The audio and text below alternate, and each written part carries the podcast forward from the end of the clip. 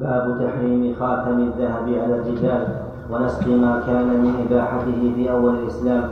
حدثنا عبيد الله بن معاذ قال حدثنا أبي قال حدثنا شعبة عن قتادة عن النضر بن أنس عن بشير بن نهيك عن أبي هريرة رضي الله عنه عن النبي صلى الله عليه وسلم أنه نهى عن خاتم الذهب.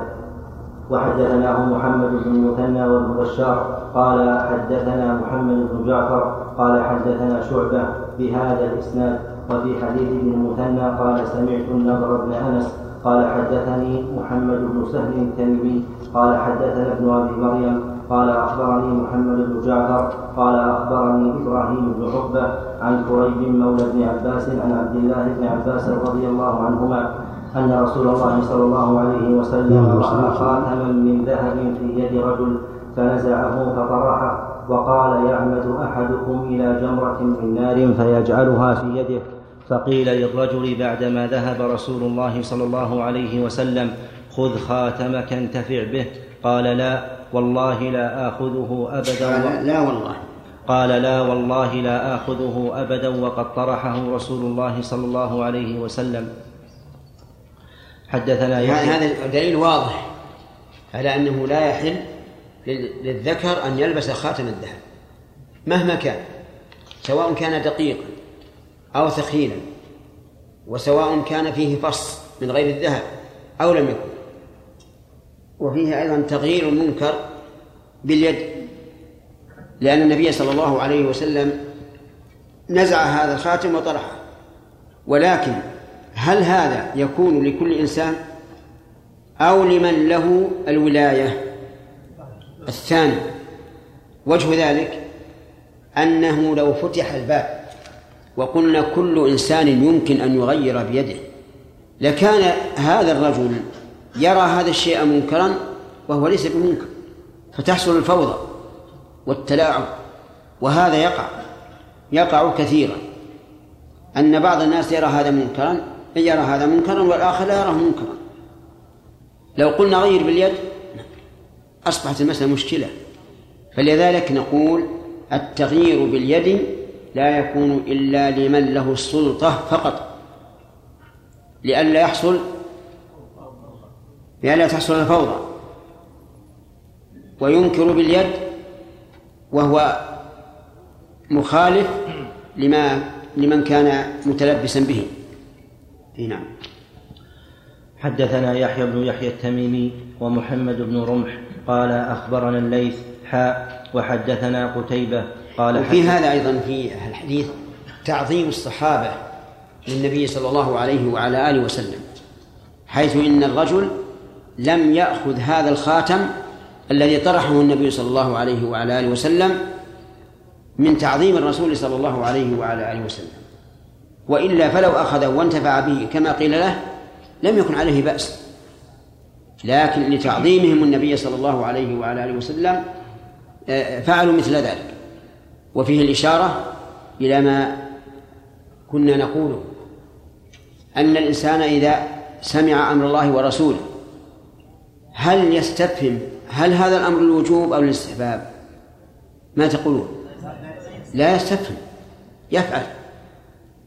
فإن كان للوجوب فقد أبرأ ذمته. وإن كان للاستحباب فقد حصل على ثواب. نعم لو أنه تورط ووقع في الأمر فحينئذ يسأل. فإذا قيل للوجوب احتاج إلى توبة. وإذا قيل للاستحباب فالأمر واسع. أما كل ما قلت قال الرسول كذا افعل قال والله والوجوب والاستحباب هل كان الصحابة يفعلون هذا؟ نعم يسألون هل هو أمر أو مشورة. يسألون هذا. كما فعلت بريرة مع زوجها مغيث.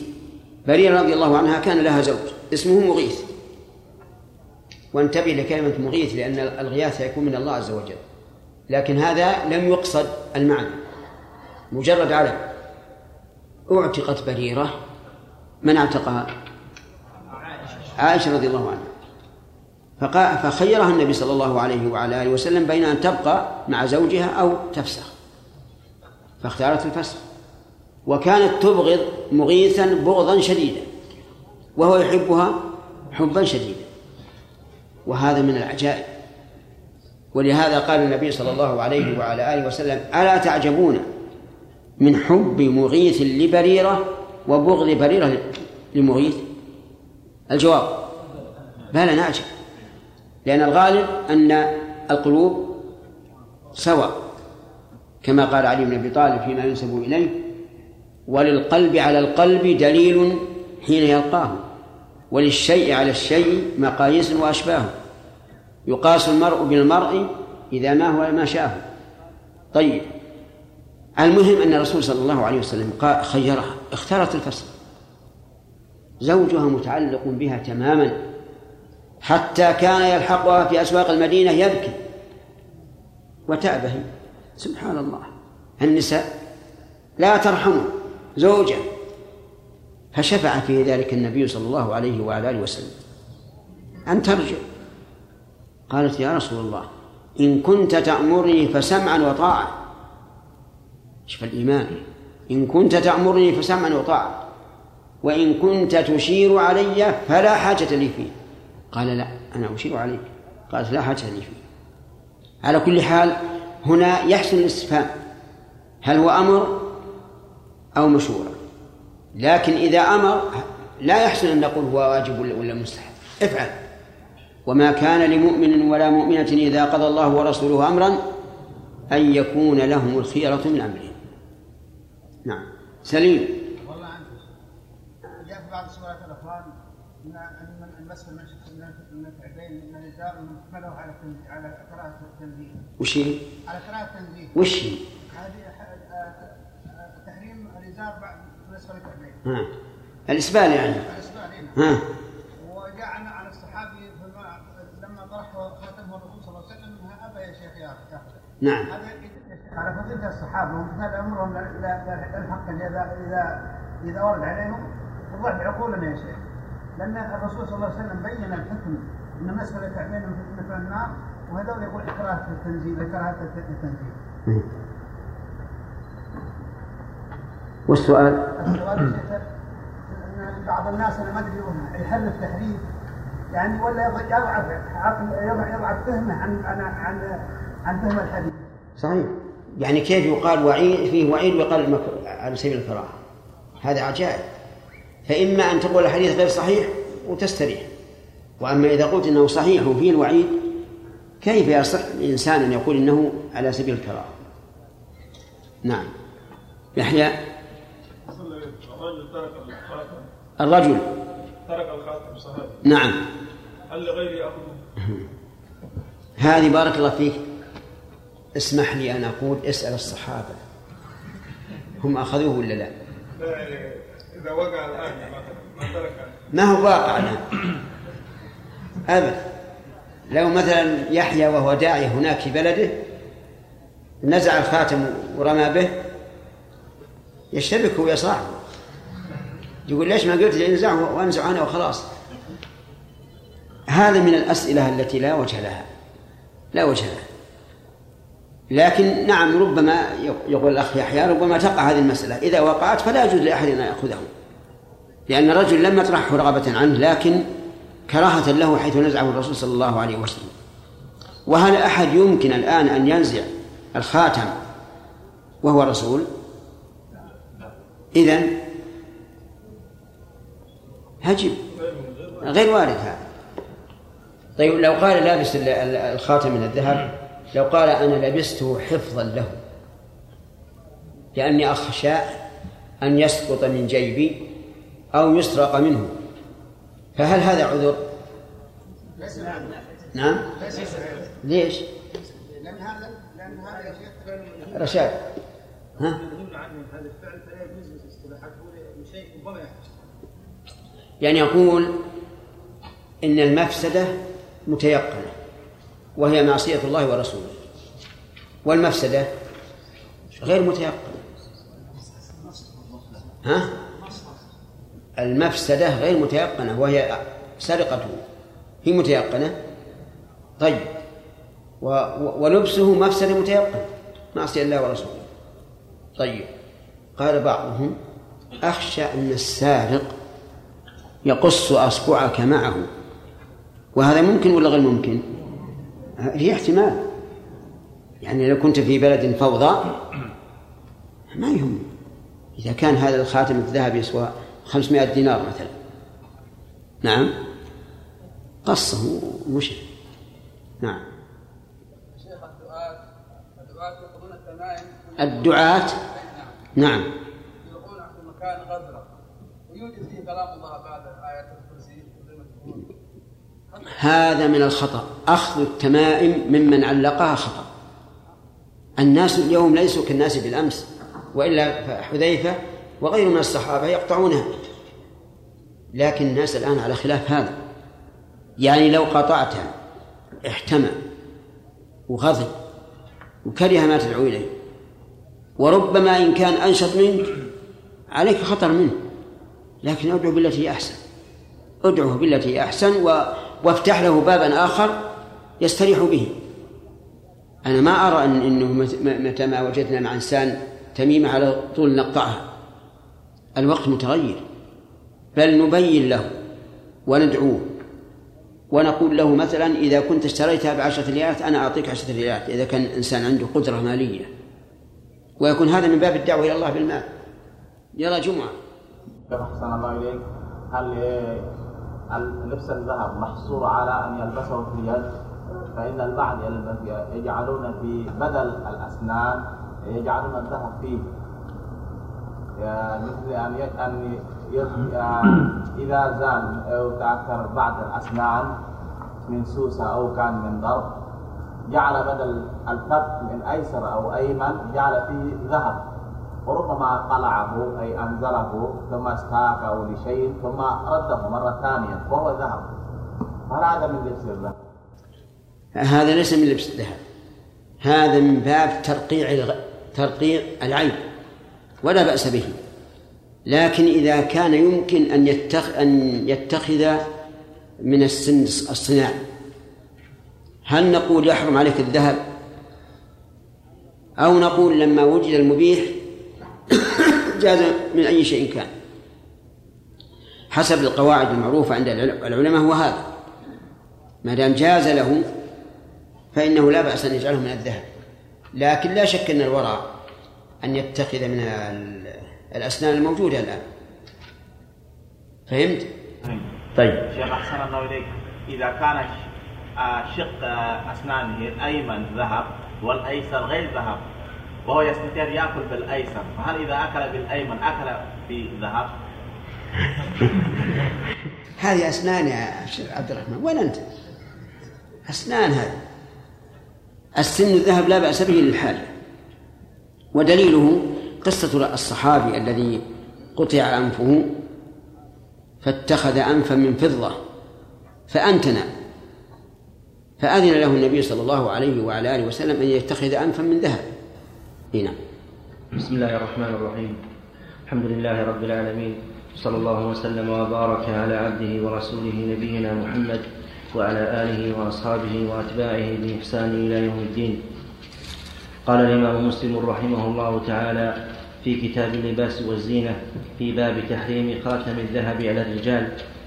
حدثنا يحيى بن يحيى التميمي ومحمد بن رمح قال أخبرنا الليث حاء وحدثنا قتيبة قال حدثنا ليث عن نافع عن عبد الله أن رسول الله صلى الله عليه وسلم اصطنع خاتما من ذهب فكان يجعل فصه في باطن كفه إذا لبسه فصنع الناس ثم إنه جلس على المنبر فنزعه فقال إني كنت ألبس هذا الخاتم وأجعل فصه من داخل.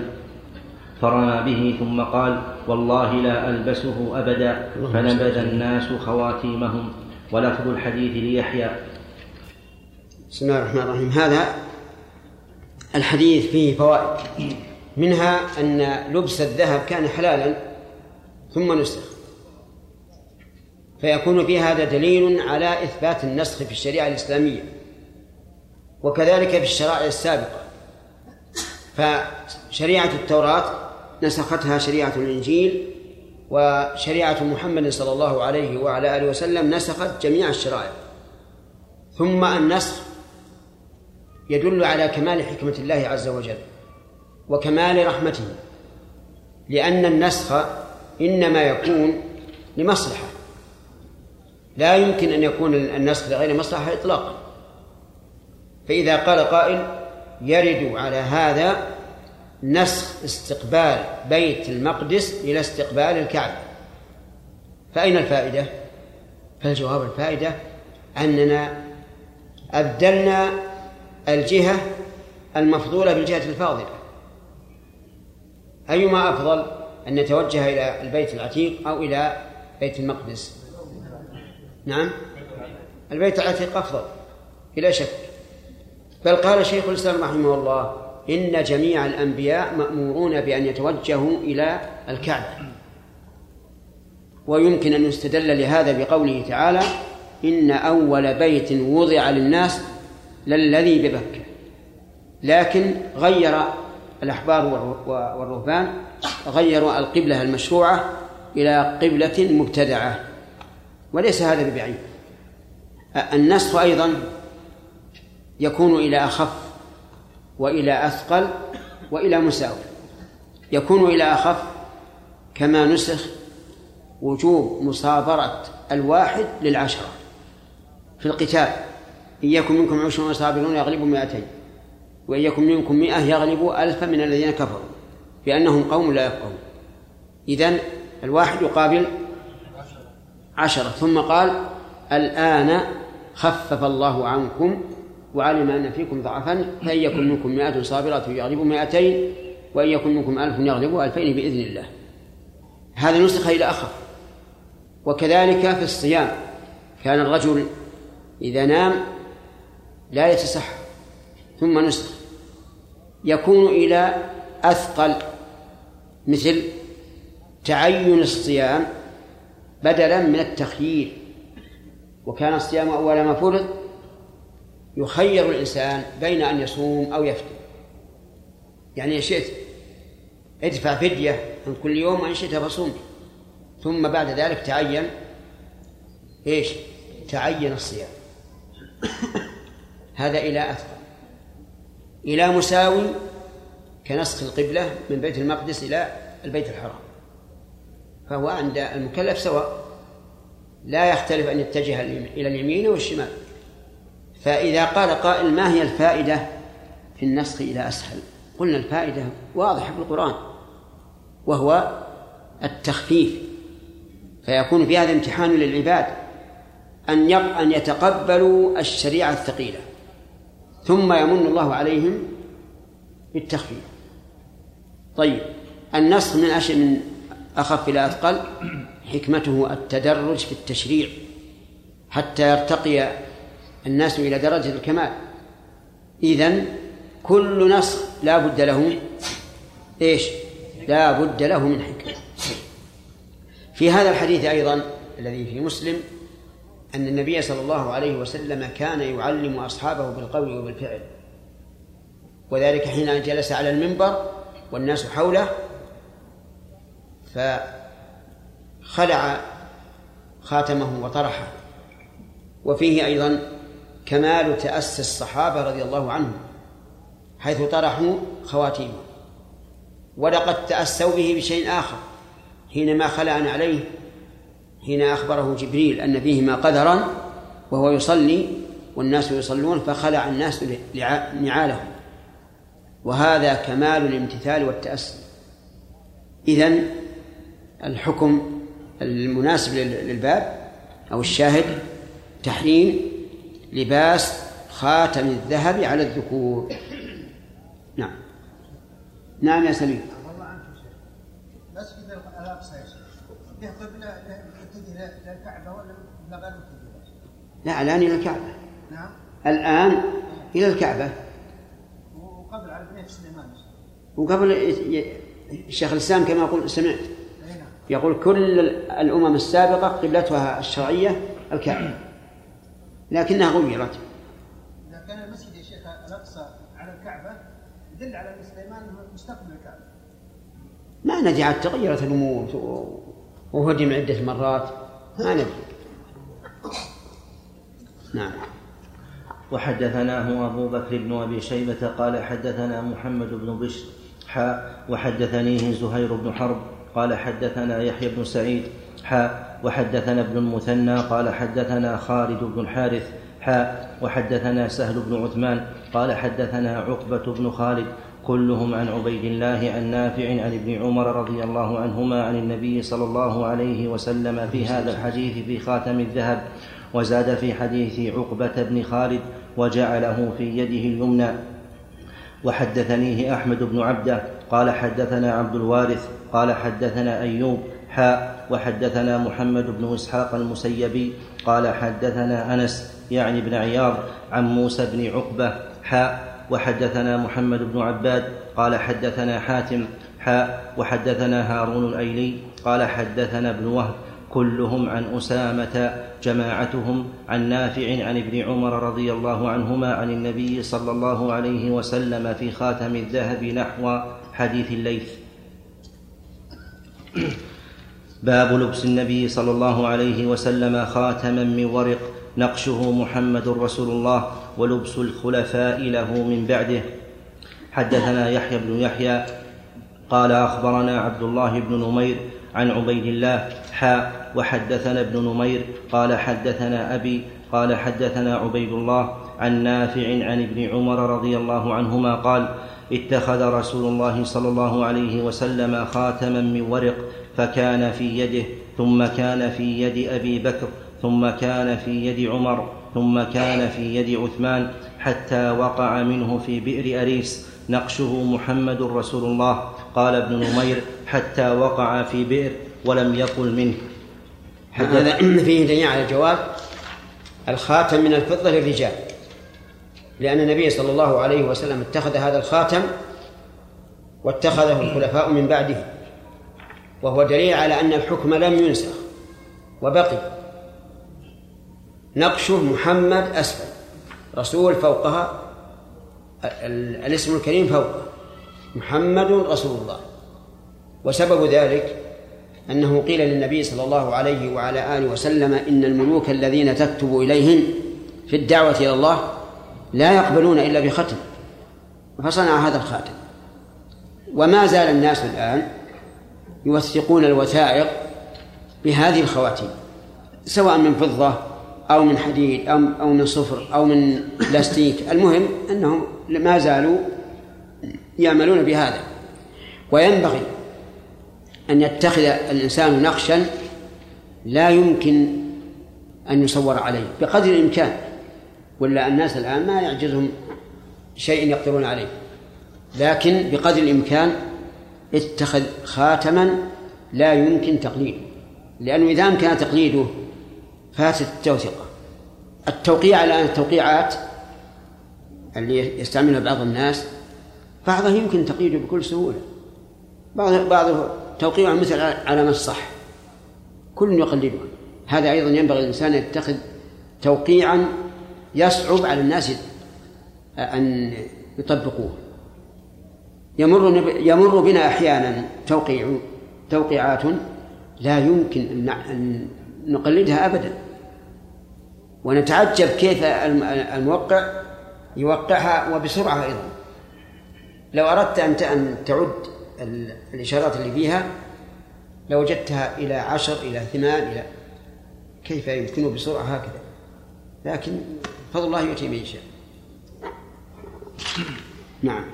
حدثنا أبو بكر بن أبي شيبة وعمر الناقد ومحمد بن عياد وابن أبي عمر واللفظ لأبي بكر. قالوا حدثنا سفيان بن عيينة عن أيوب بن موسى عن نافع عن ابن عمر رضي الله عنهما قال اتخذ النبي صلى الله عليه وسلم خاتما من ذهب ثم ألقاه ثم اتخذ خاتما من ورق ونقش فيه محمد رسول الله. وقال لا لا ينقش أحد على نقش خاتمي هذا. وقال لا ينقش أحد على نقش خاتمي هذا. وكان إذا لبسه جعل فصه مما يلي بطن كفه وهو الذي سقط من معيقيب في بئر أريس. فيه النهي عن تقليد آه، الخواتم؟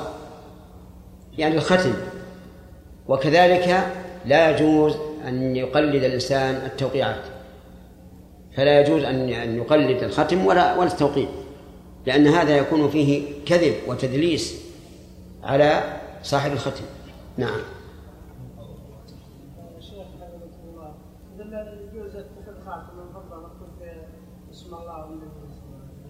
لا اسم الله والنبي وش وش يجوز.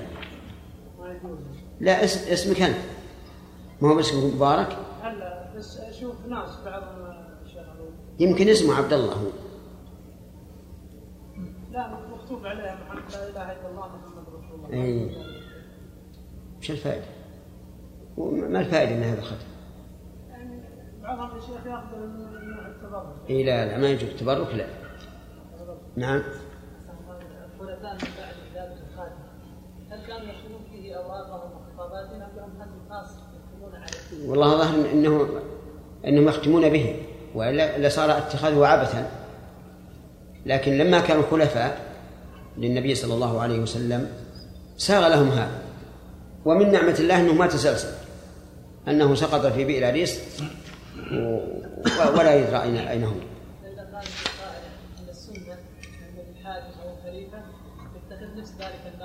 قلنا لا.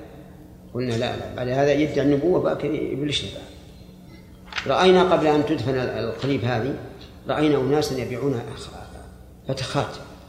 عند البئر يبيعونها للحجاج وبكثرة كثرة. يعني. يقول للحاج اشتري ثم ارميه في البئر. نعم. إلى هذا الحد أنا رأيته يشتري واحد خاتم ما يسوى قرش بربع ريال. هم إذا اشتراه في البئر. لكن الحمد لله طمت البئر الآن ولا ولا ولا أحد يستعملها. نعم يا آدم.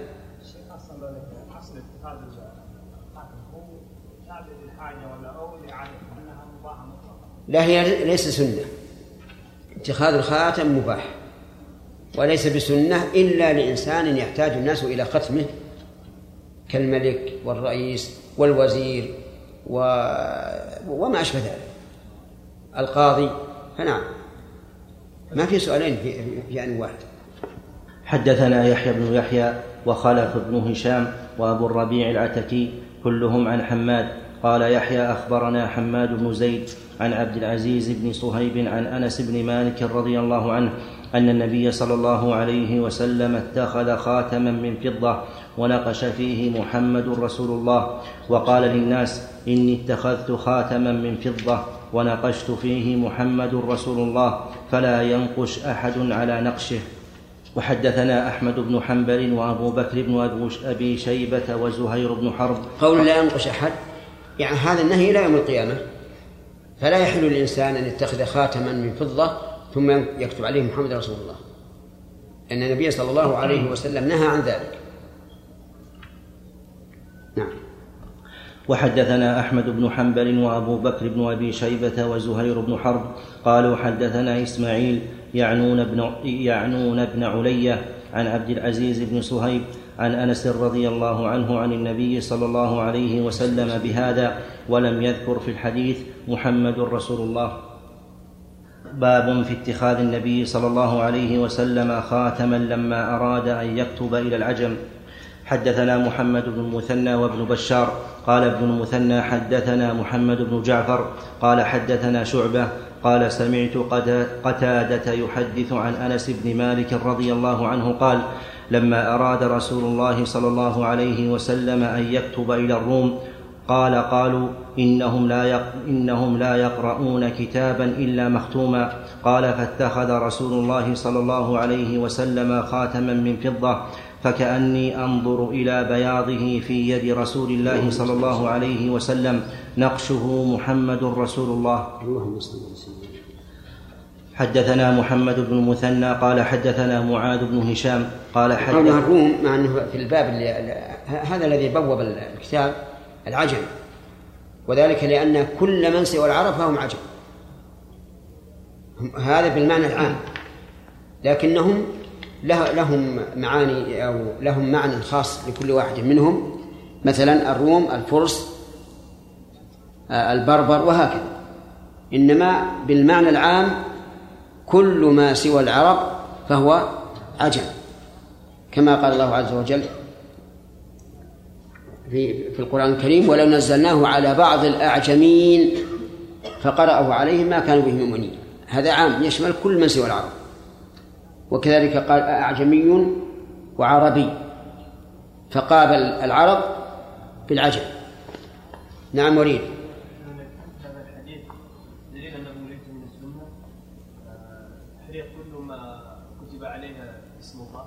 تحريق الاوراق اللي مكتوب عليها اسم الله. وش في دليل على إيش؟ عدم السنة عدم السنة وش في إيش؟ اذا قصد إيش يعني كلهم الحين يحرقون الاوراق التي مكتوب عليه اسم الله إيه. بس لما يعني عرفنا ان أن الاسم تصل إلى إلى الروم نعم. يغلب على انهم يعني ما يحرقونها بس ربما يحرقونها في ما نجعل هذا. هذا هذا حسب الذي وجه إليه الخطاب. نعم. الحديث السابق قال سقط من إيش؟ سقط من معيقين نعم. الحديث الذي قبله سقط من يد عثمان. اي نعم. لا لا مانع لأن معه يقيب من موالي عثمان فيما يظهر فلعله أعطاه إياه وسقط. نعم. انتقال الخاتم من النبي صلى الله عليه وسلم إلى أبو بكر وعمر وعثمان مع أن الرسول صلى الله عليه وسلم قال نحن معاشر الأنبياء لا نورث ما هذا ارث هذا للخلافه لأنه لو كان ارثا لحصل لفاطمة والعباس. ها؟ قميص النبي صلى الله عليه وسلم التي قبضته عائشة ثم اسماء نعم. كان يغسل. ما هو مي- ميراث. لو كان ميراثا لكان لكان يوزع بين الورثة. حدثنا محمد بن المثنى قال حدثنا معاذ بن هشام قال حدثني أبي عن قتادة عن أنس رضي الله عنه أن نبي الله صلى الله عليه وسلم كان كان أراد أن يكتب إلى العجم فقيل له إن العجم لا يقبلون إلا كتابا عليه خاتم فاصطنع خاتما من فضة قال كأني أنظر إلى بياضه في يده. حدثنا نصر بن علي الجهضمي قال حدثنا نوح بن قيس عن أخيه خالد بن قيس عن قتادة عن أنس رضي الله عنه أن النبي صلى الله عليه وسلم أراد أن يكتب إلى كسرى وقيصر والنجاشي فقيل إنهم لا يقبلون كتابا إلا بخاتم فصاغ رسول الله صلى الله عليه وسلم خاتما حلقته فضة حلقت حلقته فضة ونقش فيه محمد رسول الله. باب في طرح الخواتم. حدثنا أبو عمران محمد بن جعفر محمد بن جعفر بن زياد قال أخبرنا إبراهيم يعني بن سعد عن ابن شهاب عن أنس بن مالك رضي الله عنه أنه أبصر في يد رسول الله صلى الله عليه وسلم خاتما من ورق يوما واحدا. قال فصنع الناس الخواتم من ورق فلبسوه فطرح النبي صلى الله عليه وسلم خاتمه فطرح الناس خواتمهم. شوف الحديث هذا. قوله قال القاضي.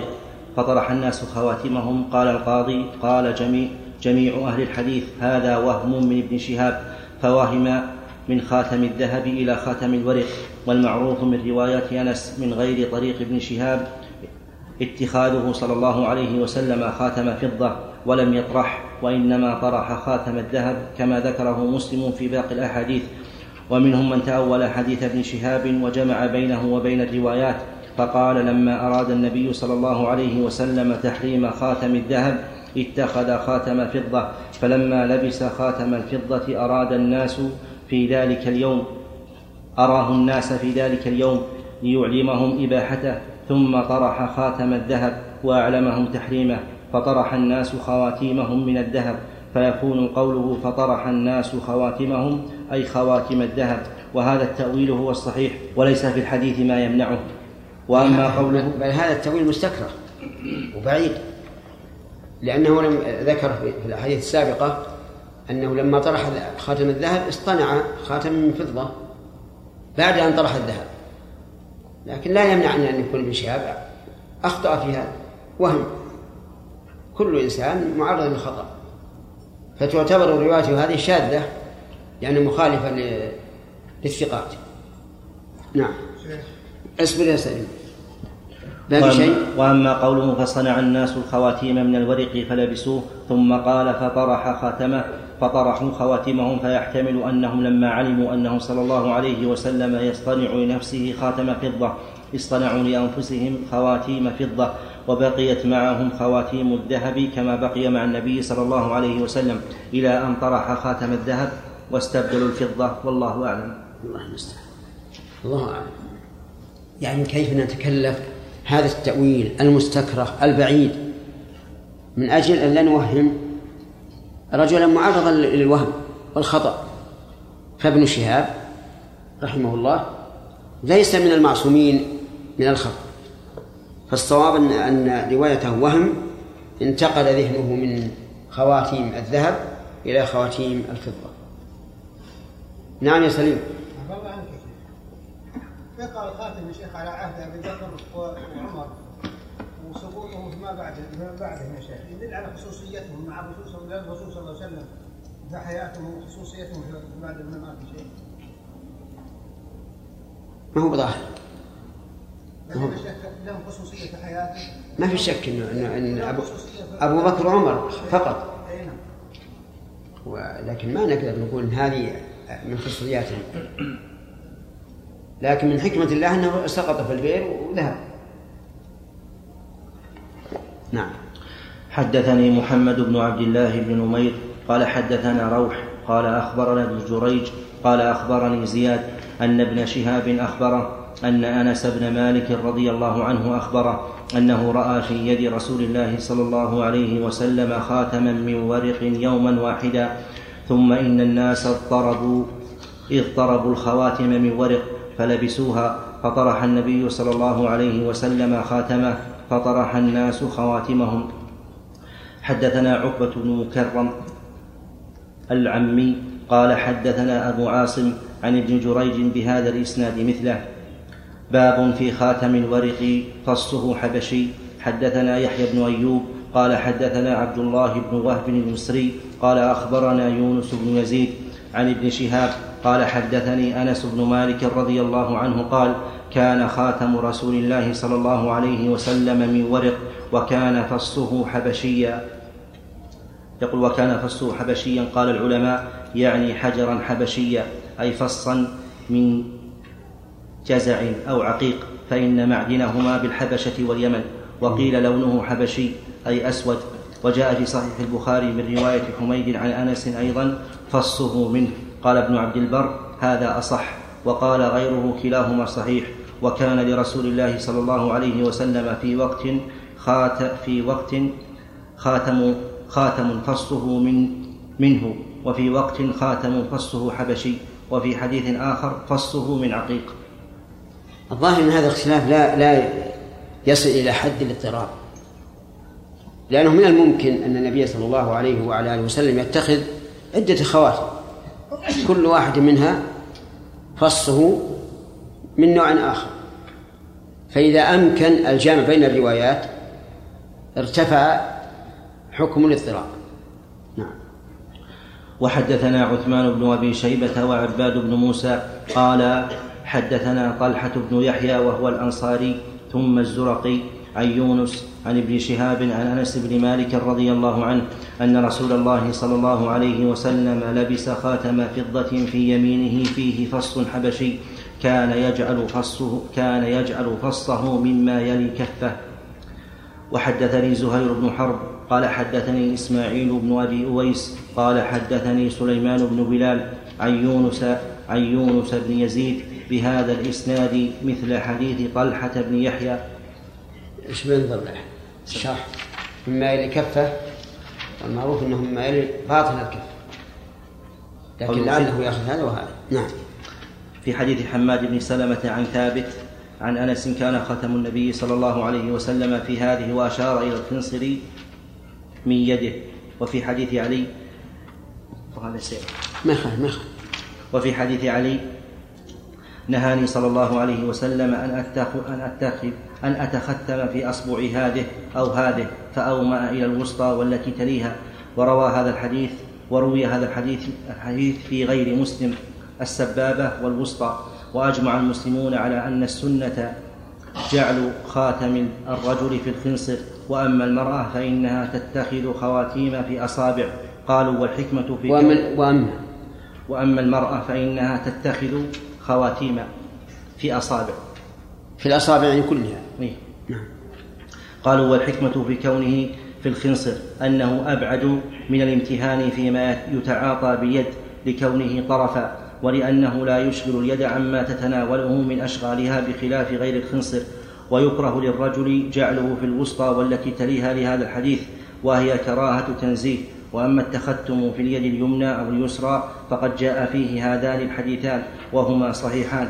وقال الدار قطني لم يتابع سليمان بن بلال على هذه الزيادة وهي قوله في يمينه. قال وخالفه الحفاظ عن يونس مع أنه لم يذكرها أحد من أصحاب الزهري مع تضعيف إسماعيل ابن أبي أويس مع تضعيف إسماعيل بن أبي أويس رواتها عن سليمان بن بلال.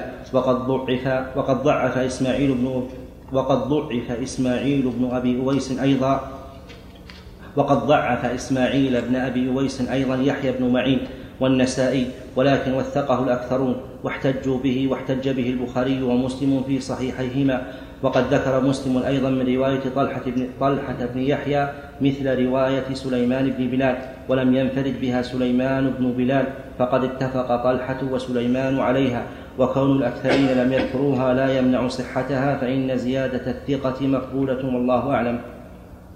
وأما الحكم في المسألة عند الفقهاء فأجمعوا على فأجمعوا على جواز التختم في اليمين وعلى جوازه في اليسار ولا كراهة في واحدة منهما واختلفوا في ايته في أيتهما أفضل. فتختم كثير من السلف في اليمين وكثير في اليسار واستحب مالك اليسار وكره اليمين. وفي مذهبنا وجهان لأصحابنا الصحيح أن اليمين أفضل لأنه زينة واليمين أشرف وأحق بالزينة والإكرام. لا هذا المريد الأول. مما يلي كفة؟ ما تكلم عنه ما تكلم عليها؟ نعم. تكلم عنها قبل إيه هي قبل. لأن هذا بحث آخر.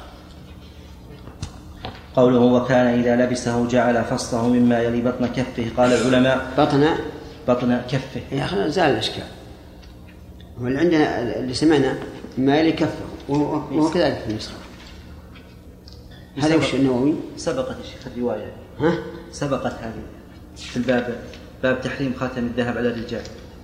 إيه هو المعروف أنه ما يلي بطن كفه. ويقول اصطنع النبي صلى الله عليه وسلم خاتما من ذهب فكان يجعل فصه في باطن كفه إذا لبسه. اي هذا هذا هو المعروف. لكن اللي اللي قريت آخر ما قرأته الآن. اخر آخر ما قريت قبل البحث. بس ما تكلم عليه. ما نتكلم عليه؟ نعم. كان يجعل فصه مما يلي كفه.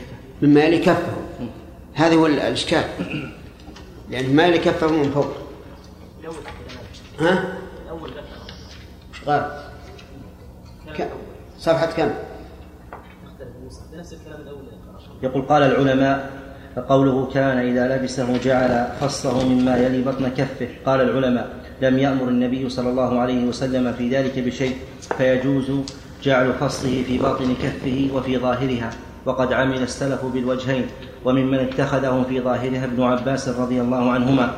قالوا ولكن الباطن أفضل اقتداء به صلى الله عليه وسلم ولأنه أصون لفصه وأسلم له وأبعد من الزهو والإعجاب. يحمل إذا يحمل قوله على كفه. مما يلي كفه يعني في الباطن الناس الآن في ظني أن الذي يجعل الفص مما يلي باطن الكف هو الذي يزهو بنفسه ويختال. ما أدري هذا صحيح ولا لا. ولا هو في الباطن أحسن. وأسلم من أن يخدشه شيء ويغير النقش لا سيما إذا لم يكن من الحديد نعم. باب في لبس الخاتم في الخنصر من اليد. وحدثني أبو بكر بن خلاد الباهلي قال حدثنا عبد الرحمن بن مهدي قال حدثنا حماد بن سلمة عن ثابت عن أنس رضي الله عنه قال كان خاتم النبي صلى الله عليه وسلم في هذه وأشار إلى الخنصر من يده اليسرى. نعم. نعم. بالنسبة لاختلاف الروايات في كون الفصل حبشي أو من عقيقة أو نحو. نعم. كونه من عقيقة هل يمكن النقش عليه؟ اي يمكن. حفر العقيدة اي نعم. هو العكس ها؟ مو إذا كان حفر ما يخرج في الختم كيف؟ أقول ليس إذا كان حفر لا يخرج. يخرج. كانت الخواتم بالأول وإلى الآن بالحفر ولذلك تجد ال- الحروف والكلمات تكون بيضاء. كيف الله؟ يعني يحفر كل ما حول الكلمة ولا تحفر الكلمة في نفس الوقت تحفر سبحان الله في إشكال هذا؟ ما في إشكال إذا حفر الداخل كيف حفر الداخل؟ يعني هذا الفص حفرت في وسطه كيف تخرج معه؟ هو يبي يبي يخرج يبي يبي, يبي يختم الختم هكذا إذا بارزة الحرف وشو؟ يحفر ما حول الكلمة وأما الكلمة تكون بارزة لا ما تكون بارد الكلمة هي المحفوظة. وهكذا غالب الخواتم كذلك. يعني أبلغ. يكون الكتاب أبيض نعم يا عبد الله. معلوم أن اتخاذ الخاتم للزينة حتى تظهر زينته. ومعلوم أن الفص يعني أكثر شيء زينة في الخاتم. فهل نفرق فنقول أن إذا اتخذ خاتما للختم به يجعل فصه في باطن وإذا اتخذه للزينة يجعل الفص في الظاهر؟ يمكن. يمكن. والأمر واسع في هذا. لكن ما أشرت إليه ممكن يقال. إذا كان فيه الختم كونه من الباطن أحسن.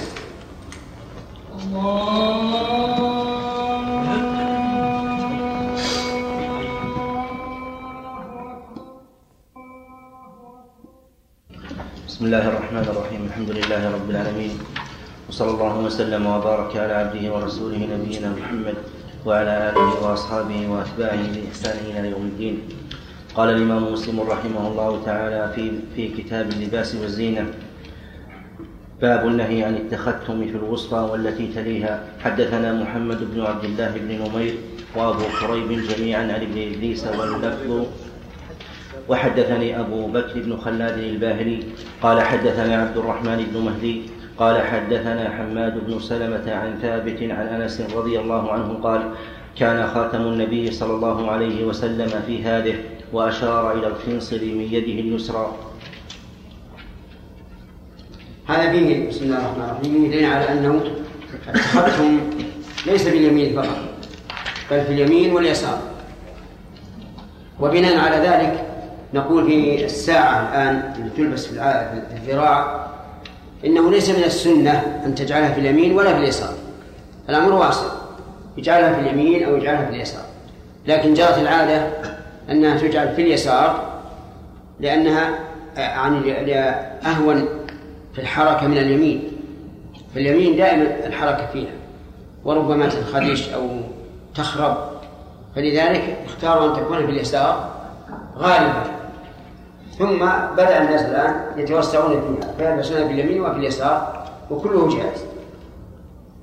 باب النهي عن التختم في الوسطى والتي تليها. حدثنا محمد بن عبد الله بن نمير. تليها يعني السبابة. نعم. حدثني محمد بن عبد الله بن نمير وأبو كريب جميعا عن ابن إدريس واللفظ لأبي كريب. قال حدثنا ابن إدريس قال سمعت عاصم بن كليب عن أبي بردة عن علي رضي الله عنه قال نهاني يعني النبي صلى الله عليه وسلم أن أجعل خاتمي في هذه أو التي تليها. لم يدر عاصم في أي الثنتين. ونهاني عن لبس القسي وعن جلوس على المياتر. قال فأما القسي فثياب مضلعة يؤتى بها من مصر والشام. فيها شبه كذا. وأما المياتر فشيء كانت تجعله النساء لبعولتهن على الرحل كالقطائف الأرجوان.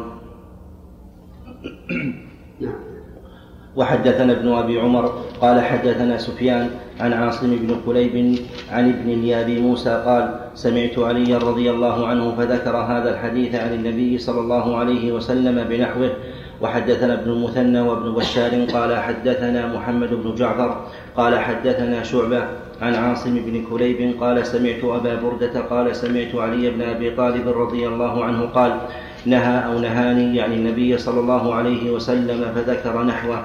حدثنا يحيى بن يحيى قال أخبرنا أبو الأحوص عن عاصم بن كليب عن أبي بردة قال قال علي رضي الله عنه نهاني رسول الله صلى الله عليه وسلم أن أتختم في أصبعي هذه أو هذه. قال فأومأ إلى الوسطى والتي تليها. باب استحباب لبس النعال.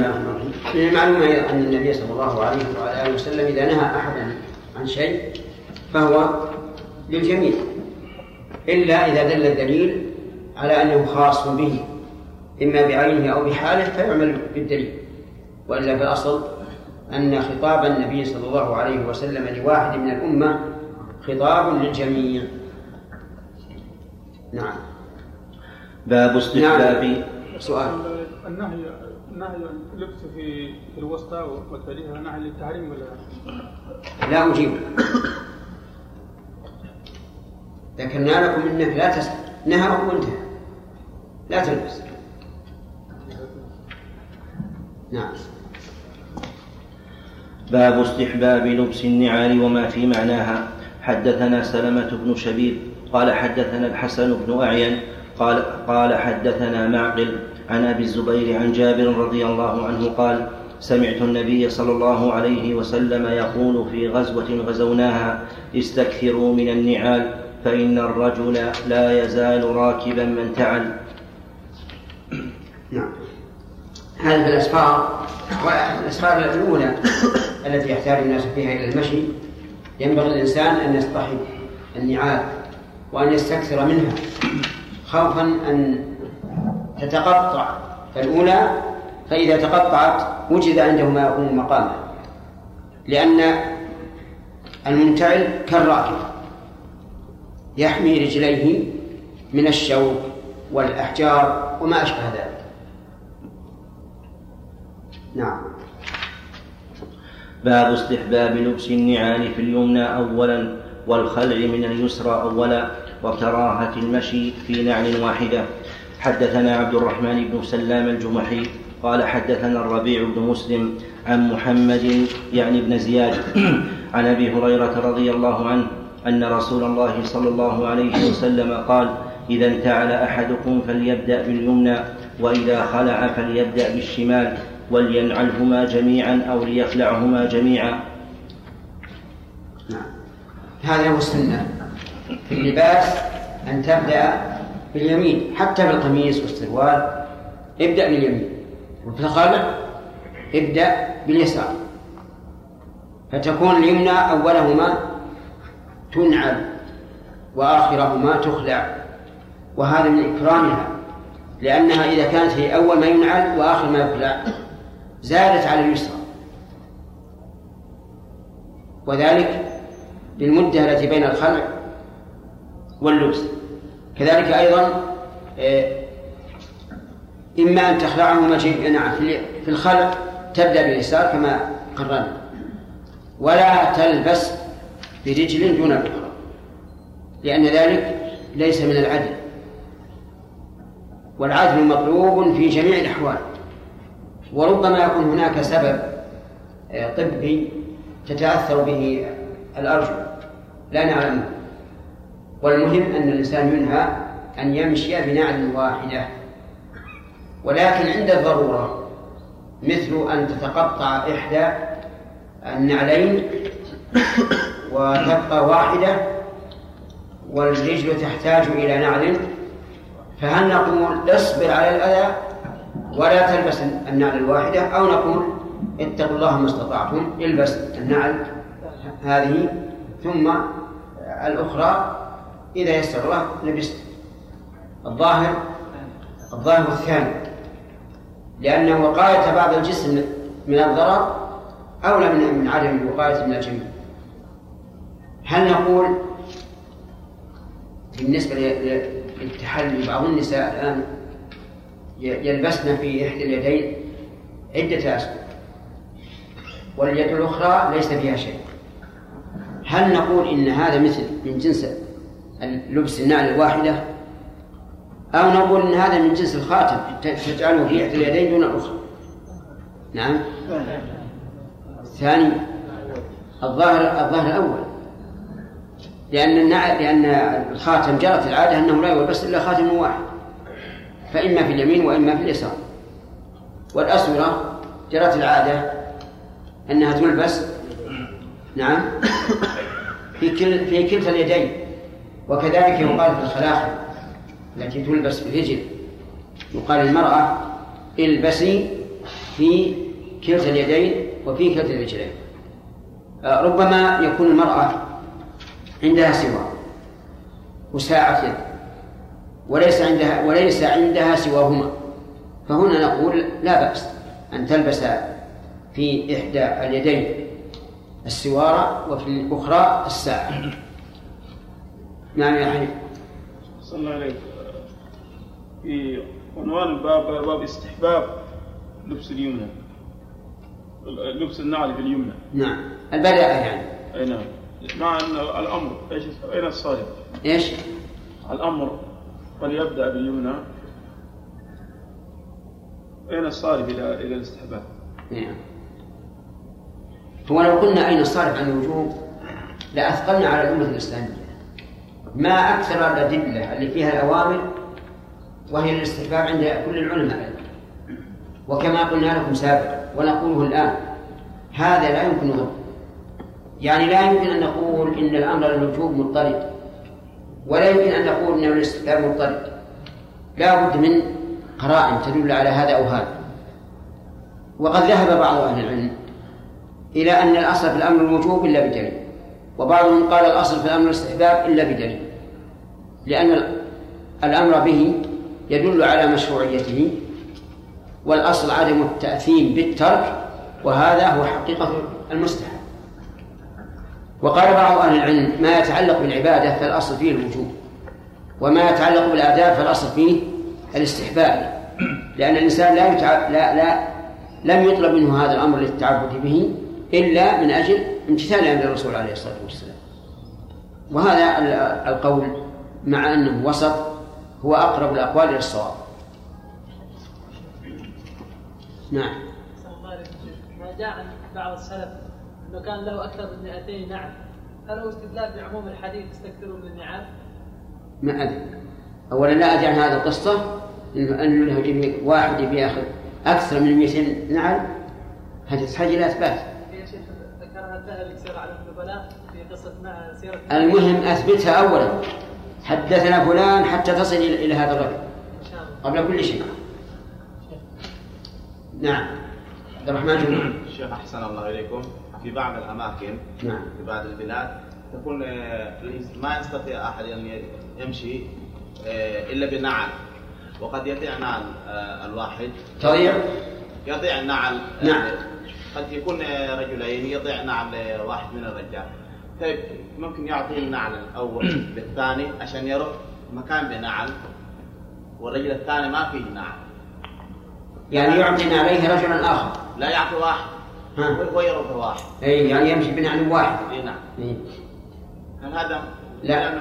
لا لا يلبس النعلين وذاك يعينها الله. وإذا كان الأرض يعني شديدة شديدة جدا فليجعله على كتفيه ويمشي. نعم ما استطاع ليش ما يستطيع؟ كبير ممكن رجال رجال ما يستطيع واحد ياخذ الظهر لا يا أخي كيف يعني اللي ضاعت نعلاه كبير. دائما الشيخ قد يكون مسافة يوم كامل.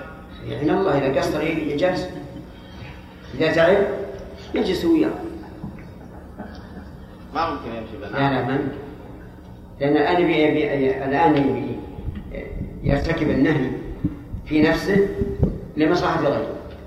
ما ما يصلح نعم. الشيخ حفظكم الله يعني النعام عمر رضي الله عنه يقول لك شوشن ما بعد مصنع أصبر. لا لا قصدي النعام لا قصدك أصبر. بس أصبر ثلاثة طيب. حدثنا يحيى بن يحيى قال قرأت على مالك عن أبي الزناد عن الأعرج عن أبي هريرة رضي الله عنه أن رسول الله صلى الله عليه وسلم قال لا يمشي أحدكم في نعل واحدة لينعلهما جميعا أو ليخلعهما جميعا. حدثنا أبو بكر بن أبي شيبة وأبو كريب واللفظ لأبي كريب. قال حدثنا ابن إدريس عن الأعمش عن أبي رزين قال خرج إلينا أبو هريرة فضرب بيده على جبهته فقال ألا إنكم تحدثون أني أكذب على رسول الله صلى الله عليه وسلم لتهتدوا وأضل؟ ألا لتهتدوا وأضل ألا وإني أشهد. إيه. لتهتدوا وأضل وأظن لا أضل لا بالله وأظل. نعم بالله نعم. نعم. لا عندي بالفتح وأضل اي نعم نعم. ألا إنكم تحدثون أني أكذب على رسول الله صلى الله عليه وسلم لتهتدوا وأضل ألا وإني أشهد. لسمعت رسول الله صلى الله عليه وسلم يقول إذا انقطع شسع أحدكم فلا يمشي في الأخرى حتى يصلحها. وحدثني وحدثنيه علي بن حجر السعدي قال أخبرنا علي بن مسهر قال أخبرنا الأعمش عن أبي رزين وأبي صالح عن أبي هريرة رضي الله عنه عن النبي صلى الله عليه وسلم بهذا المعنى. باب النهي عن اشتمال الصماء والاحتباء في ثوب واحد كاشفا. كاشفا بعض عورته وحكم الاستلقاء على ظهره رافعا إحدى رجليه على الأخرى.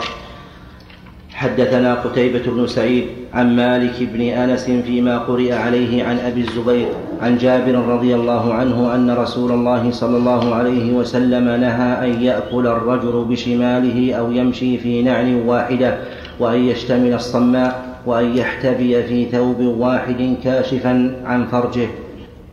حدثنا أحمد بن يونس. مع المفهوم هذه نهى أولا عن. نهى أن يأكل الرجل بشماله. هذا سبق الكلام. وبينا أنه حرام. ثاني. أو يمشي في نعل واحدة. وهذا سبق. وأن يشتمل الصماء.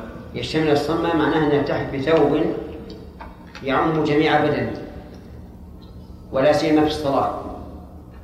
لأنه لا يستطيع أن يأتي برفع اليدين وبما يسن للمصلي مع كون هذا هذا الصماء قد شدها على نفسه. ولهذا سميت صماء لأنه ليس لها منافذ. يستطيع الإنسان أن يتحرك بها. نعم. وأن يحتبي في ثوب واحد كاشفا عن فرجه. وهذا أيضا منهي عنه. الاحتباء أن الإنسان يجلس الوقوف في الصلاة ويجعل ثوبا يلفه على ساقيه وظهره. فهنا إذا فعل هذا الشيء وليس عليه شيء يستره من فوق فالذي يقف عنده إيش يصير؟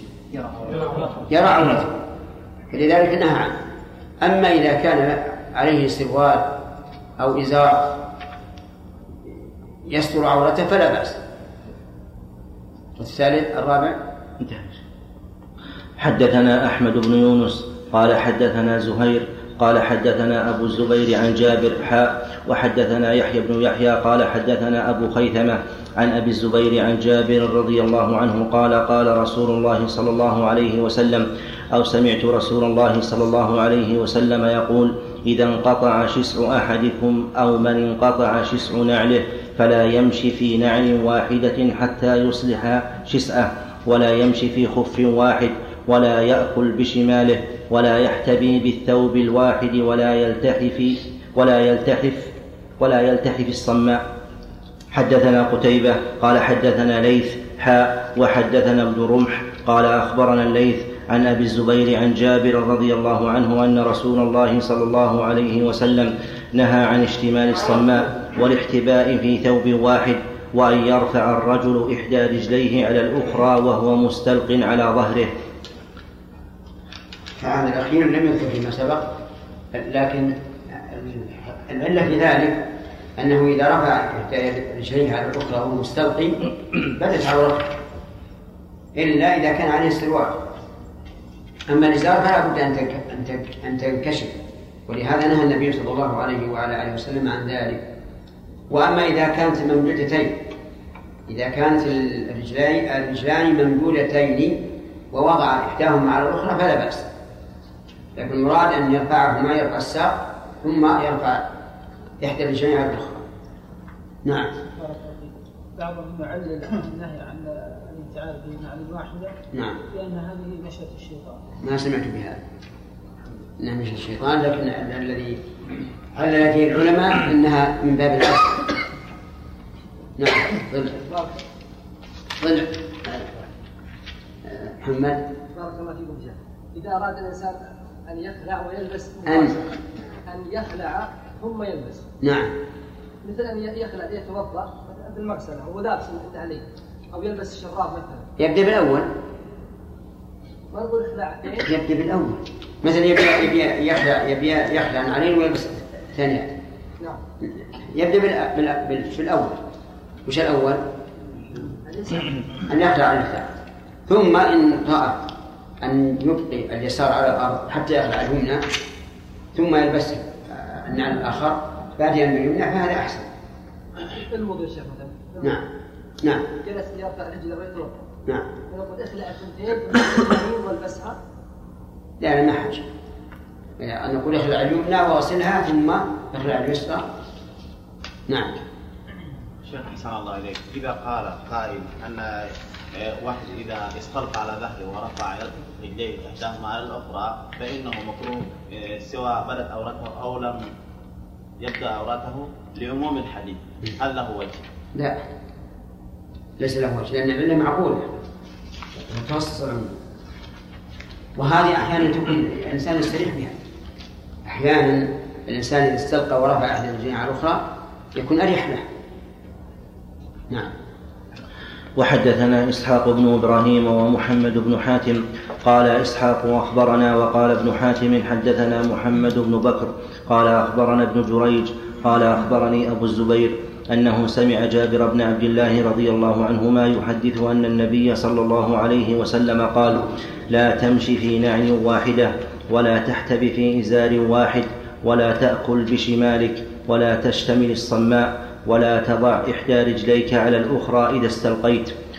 وحدثني إسحاق بن منصور قال أخبرنا روح بن عبادة قال حدثني عبيد الله يعني ابن أبي الأخنس عن أبي الزبير عن جابر بن عبد الله رضي الله عنهما أن النبي صلى الله عليه وسلم قال لا يستلقين أحدكم ثم يضع إحدى رجليه على الأخرى. يضع. يعني نعم. تصنع بالرفع والجزم والنصب. المعنى لا يفعل هذا جامعا معه هذا. نعم. باب في إباحة الاستلقاء ووضع إحدى الرجلين على الأخرى. حدثنا يحيى بن يحيى قال قرأت على مالك عن ابن شهاب عن عباد بن تميم عن عمه أنه رأى رسول الله صلى الله عليه وسلم مستلقيا في المسجد واضعا إحدى رجليه على الأخرى. حدثنا يحيى بن يحيى. يحمل على ما سبق. كان إذا لم يخشى يكشف العورة فلا بأس. يعني مثل مد الرجلين ووضع إحداهما على الأخرى لا بأس. لأن هذا ليس فيه محذور وفي هذا دليل على تواضع النبي صلى الله عليه وعلى آله وسلم وكونه يضطجع في المسجد كسائر الناس لا يختص بمقصورة ولا غيرها. نعم. حدثنا يحيى بن يحيى وأبو بكر بن أبي شيبة وابن نمير وزهير بن حرب وإسحاق بن إبراهيم كلهم عن ابن عيينة حاء وحدثني أبو الطاهر وحرملة قال أخبرنا ابن وهب. قال أخبرني يونس. حاء وحدثنا إسحاق بن إبراهيم وعبد بن حميد. قال أخبرنا عبد الرزاق, عبد الرزاق. قال أخبرنا معمر. كلهم عن الزهري بهذا الإسناد مثله. باب نهي الرجل عن التزعفر. حدثنا يحيى بن يحيى وأبو الربيع وقتيبة بن سعيد.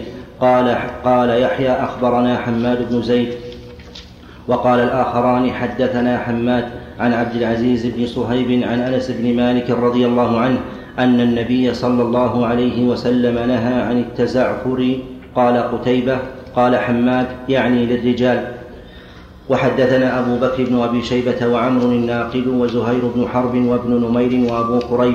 قالوا حدثنا إسماعيل وهو ابن علية عن عبد العزيز بن صهيب عن أنس رضي الله عنه قال نهى رسول الله صلى الله عليه وسلم أن يتزعفر الرجل. نعم التزعفر يعني أن يدهن بالزعفران وهذا غير اللباس. هذا التزعفر إذا كان عاما للجسم فهو منهي عنه. وإذا كان خاصا بمكان معين لسبب من الأسباب فلا بأس إلا إذا أدى إلى التشبه بالنساء فهذا يكون حراما لأن النبي صلى الله عليه وسلم لعن المتشبهين من الرجال بالنساء. نعم. محمود. ثمر الصماء بعد الصبيان إذا في فصل الشتاء إذا في الصلاة مع الإمام. يجعل البطانية فوقه. اي إيه، لا بأس. أس- لأن البطانيه مفروجه من من, الأمام. تكون فوقه في النص يجعل أمامه البطانية كيف؟ شوف. البطانيه جعلها على راسه نعم مفروجه في الوسط؟ ها؟ يكون في الوسط؟ إيش؟ يكون هو مع الصبي يكون في الوسط؟ يعني تكون أمامه متذلل آه يعني ما أظن هذا لأن لأن البطانيه إذا كانت عليها صفه هل تصل إلى إلى الرجل؟ تصل. أو أو قصيرة. كبيرة تكون من أمام. تغطيه كله؟ فيها شيخ بارك الله فيك. فين؟ هل يأخذ حكم هذا من جهة؟ من جهة يخلع واحد واحد. يعني يمشي بواحدة؟ هذه أشد. هذه أشد لأنه فضل الأخرى باتقاء ال- الأذى من الأرض وبالدفء أيضا نعم.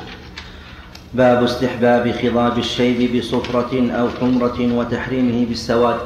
حدثنا يحيى بن يحيى قال أخبرنا أبو خيثمة عن أبي الزبير عن جابر رضي الله عنه قال أتي بأبي قحافة أو جاء عام الفتح أو يوم الفتح ورأسه ولحيته مثل الثغام أو الثغامة فأمر أو فأمر إلى نسائه قال غيروا هذا بشيء.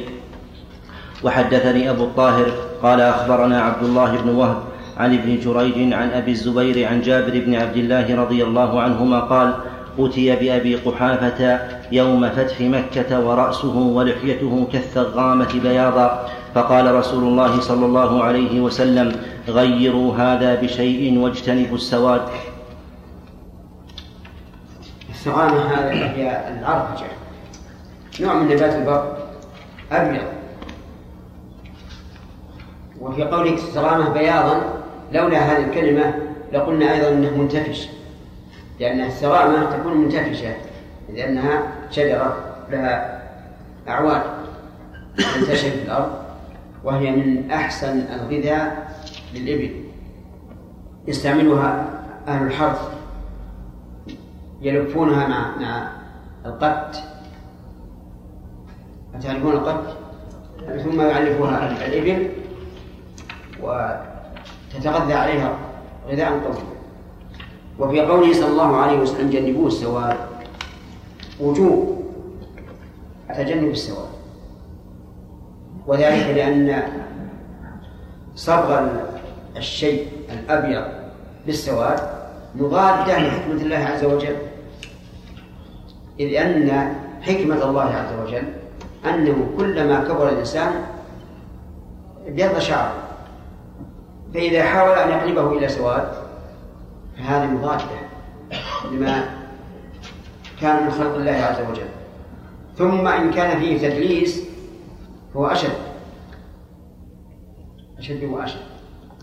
يعني مثل الإنسان يريد يتزوج وهو أبيض الشعر. ومعلوم إذا خطب المرأة وشافت آه، شعر أبيض قد لا تقبل فيتحيل ويصبغها بالسواد. ولهذا حمله بعض العلماء على أن المراد إذا أراد الغش والخيانة ولكن هذا ضعيف. وقد زعم بعض الناس أن قوله وجنبوه السواد مدرج ولكن هو ولكنه زعم ليس بصحيح. أولا لأن الأصل عدم عدم الإدراج. والثاني أنه قد جاء حديث آخر منفصل بالوعيد الشديد على من خضب بالسواد. وللبحث بقية بعد الأذان إن شاء الله. الله اللهم صل على محمد اللهم رب هذه الدعوة التامة. والصلاة القائمة التي آتي محمد الوسيلة والفضيلة البحث هو أنه لو ابيض شعر الإنسان قبل أوانه كما يوجد الآن في بعض الشباب يبيض شعره وهو ابن عشرين سنة فأقل. فهل له أن يصبغه بالسواد؟ لأن هذا ليس شيبا عادة أو لا أو نقول الحديث عام. فيشمل من شاب على العادة ومن شاب قبل العادة. الاحتياط بلا شك هو الاحتمال الثاني. أنه ممنوع حتى في من شاب بل حتى في من ابيض شعره قبل أوانه لأن الحديث عام. نعم. عبد الله. الآن يا شيخ نعم. ظاهر الحديث أنه نهى عن السواد لأن أكثر شعور الناس يومئذ أنها سوداء. إيش؟ لأن أكثر شعور الناس يومئذ أنها سوداء. إيه أنا سوداء. نعم. فإذا كان الرجل شعره ليس أسودا وشاب. لا لا غلط ليس أسودا أنت قرأت الممنوع من الصرف. ليس أسود وشاب. نعم. فهل له أن يصبغه بش... بلون شعره السابق. قياسا على هذا لأن نعم. العلة موجودة. أي نعم. يعني مثلا في أناس شعورهم حمر من ولادتهم والشاب شعره أحمر. فهل إذا شاب هذا الشعر وابيض هل يجوز أن يصبغه بالسواد؟ الجواب ظاهر الحديث العموم ثم هل يجوز أن يصبغه بلون الشعر قبل أن يشيب؟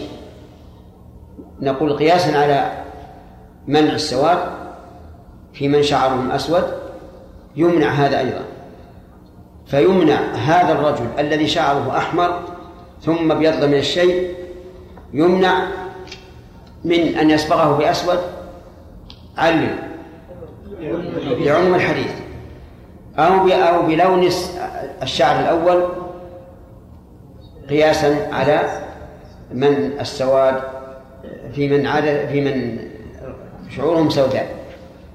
نعم. أثابكم الله.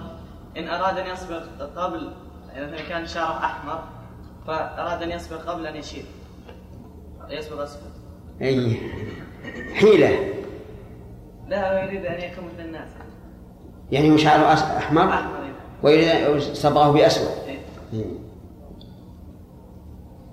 ما هذه محل توقف.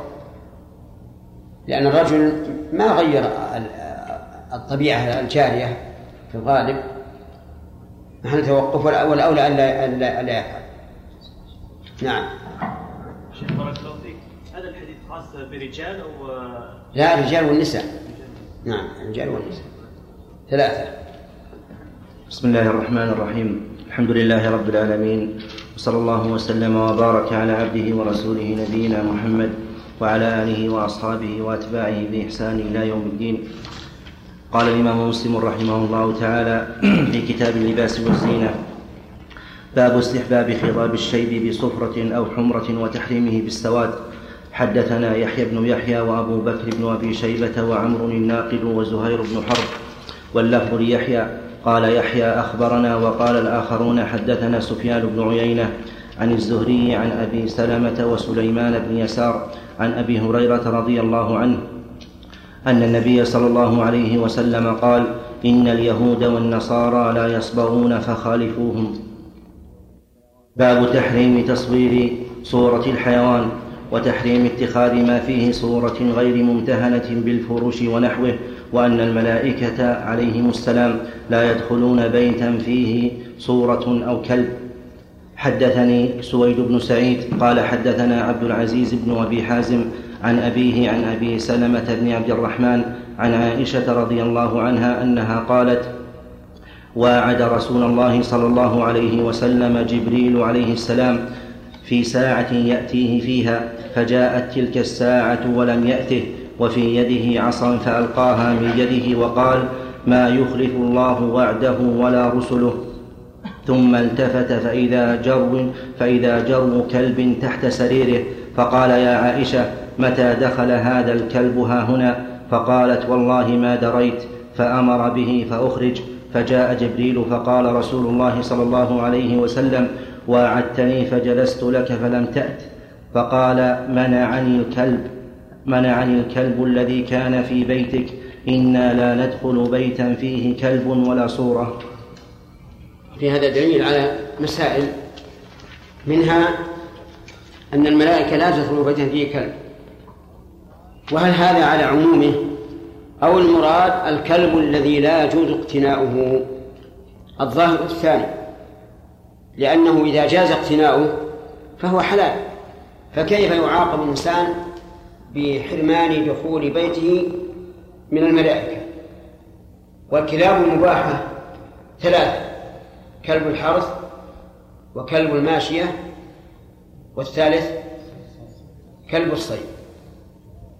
غير غير هذه الثلاثة لا يجوز اقتناؤها. على أي حال كان.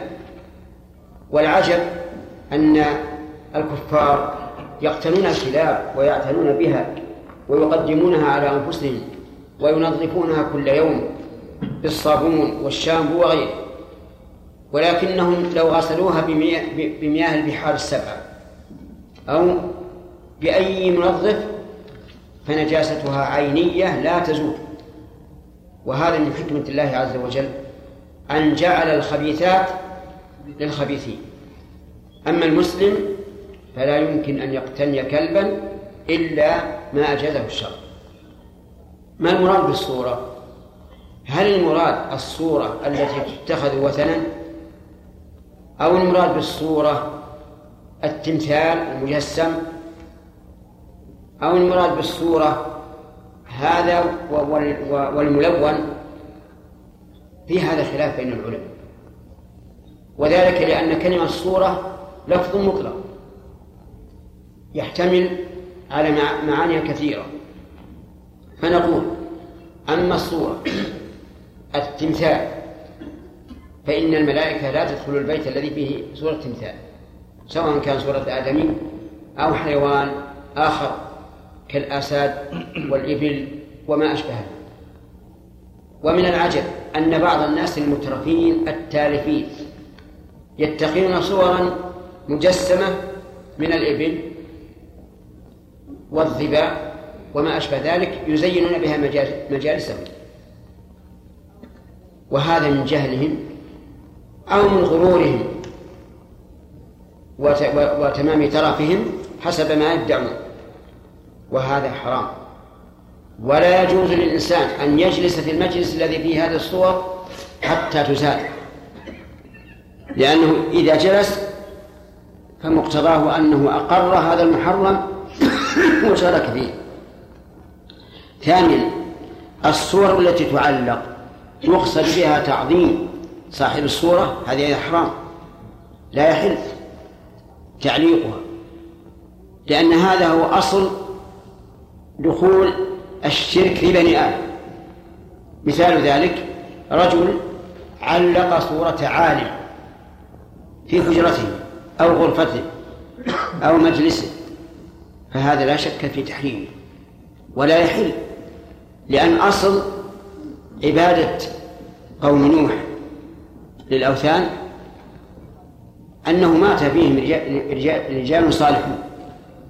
فقالوا لعلنا نتخذ صور هؤلاء.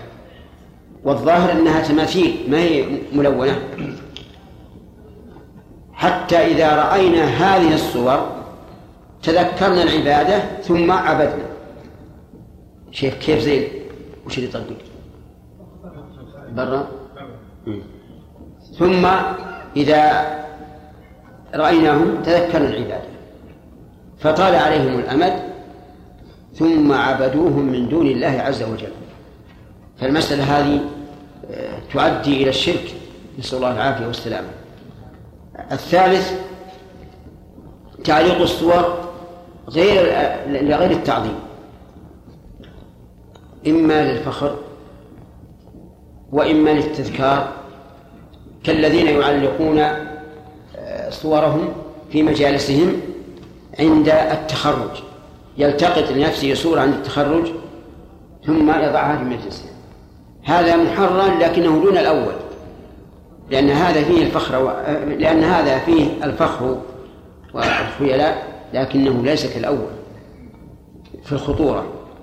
الخامس الرابع أن أن يتخذ صورا غير معلنة وهي التي تعرف عندهم بالبوم.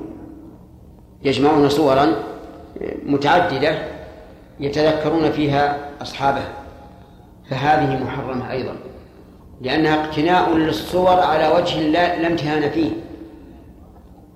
ولا سيما إذا كان أصحابها أمواتا وأقارب. فإن هذا يجدد الأحزان ويوجب تذكر هؤلاء أي تذكر تذكر الذين صوروا.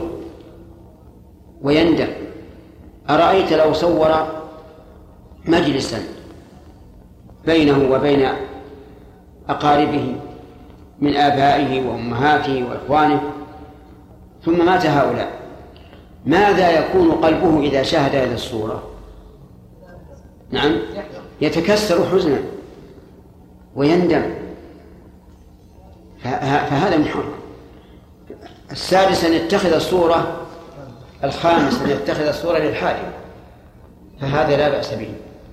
مثل ما يحصل في قيادة السيارة أو في أو في التابعية أو إنسان يقدم ليكون في وظيفة. فالعادة أنه لا بد من اصطحاب الصورة. فيصور مثلا أربع صور ويدفع واحد ويبقى عنده ثلاث فهل نقول هذه الثلاث أتلفها لتشتري بدلها إذا احتجت؟ أو نقول لا يلزمك لأنك إذا أتلفتها سوف تخسر. فيما بعد نعم لتحصيل هذه الصور. الظاهر للثاني لأن هذا إنما اتخذها للحاجة ودرء بذل المال مرة أخرى. السادس أن يتخذها آه، على وجه تمتهن يتخذها على وجه تمتهن كالذي يكون في الفرش أو في المخدات أو في المساند. فهذه رخص فيها أكثر أهل العلم ومنعها بعضهم والاحتياط تركها ولكن التحريم لا ليس بمعلوم. ولا ريب أن هذه الفرش التي فيها الصور يوجد بدلها والحمد لله. رأينا سجادين فيها صورة أسد قد ملأ السجادة. لأنه يقول هذا ممتهن ولا بأس به فنقول نعم هذا اللي يعني جمهور لكن الاحتياط أو في الترك أولى. طيب. السابع أن يتخذها لستر الجدر بها. كما يوجد في بعض الأردية أردية تغطى بها الفرج ويكون عليها صور فهل نقول إن هذه ممتهنة أو لا؟ الظاهر لا ما هي ممتهنة يعني معلقة فلا تجوز. الثامن أن يكون ذلك في اللباس يعني أن يلبس الإنسان إزارا أو رداء أو قميصا أو عباة فيها صورة. فهذه حرام. لا للصغار ولا للكبار. وسواء كان السراويل أو قمصانا أو غير ذلك. يوجد الآن ما يسمى بالحفاظة للصبي. تلف على فرجيه حتى إذا بال أو تغوط لم ينتشر. فيها صور. هل نقول إن هذا ممتهن أو نقول هذا لباس فلا يجوز. نعم. هو في الواقع يتجاذبه شيئان اللباس والامتهان فمن جهة أنه لباس يخشى أن الصبي يتربى على هذا ويسهل عليه الصور لباسها. فيستغرب فيما بعد إذا قلنا له لا تلبس السراويل بعد أن كبر قال سبحان الله. كنت ألبسها وأنا صغير. فمن هذه الناحية نقول لا لا تلبس. والجزم بالتحريم يحتاج إلى دليل قوي. ومن جهة أنها ممتهنة لأنه لا لا لا يباشرها إلا القدر من بول أو غائط نقول لا بأس بها. خصوصا وأنها لا تكون ظاهرة. لا تكون ظاهرة يعني يشاهدها الناس. آخر عدد؟ التاسع. ما يوجد في الصحف والمجلات التي ابتلي بها الناس اليوم. هذا على نوعين. النوع الأول أن تكون هذه المجلة أو الصحيفة معدة للصور. يعني ليس فيها إلا صور. تذكر حياة الشخص المصور وأعماله وما أشبه ذلك. أو صور فيها ألبسة التي يسمونها الأزياء. هذه لا شك في تحريمها ولا تحريم لا سيما آه، مجلات الأزياء لأنها توجب أن ينقلب الشعب المسلم في لباسه إلى لباس هؤلاء الكفار. أما إذا كانت الصحيفة أو المجلة الأصل فيها أنها للأخبار والعلوم والبحوث لكن يوجد مثلا صورة لمن يتحدثون عنه من عالم أو رئيس أو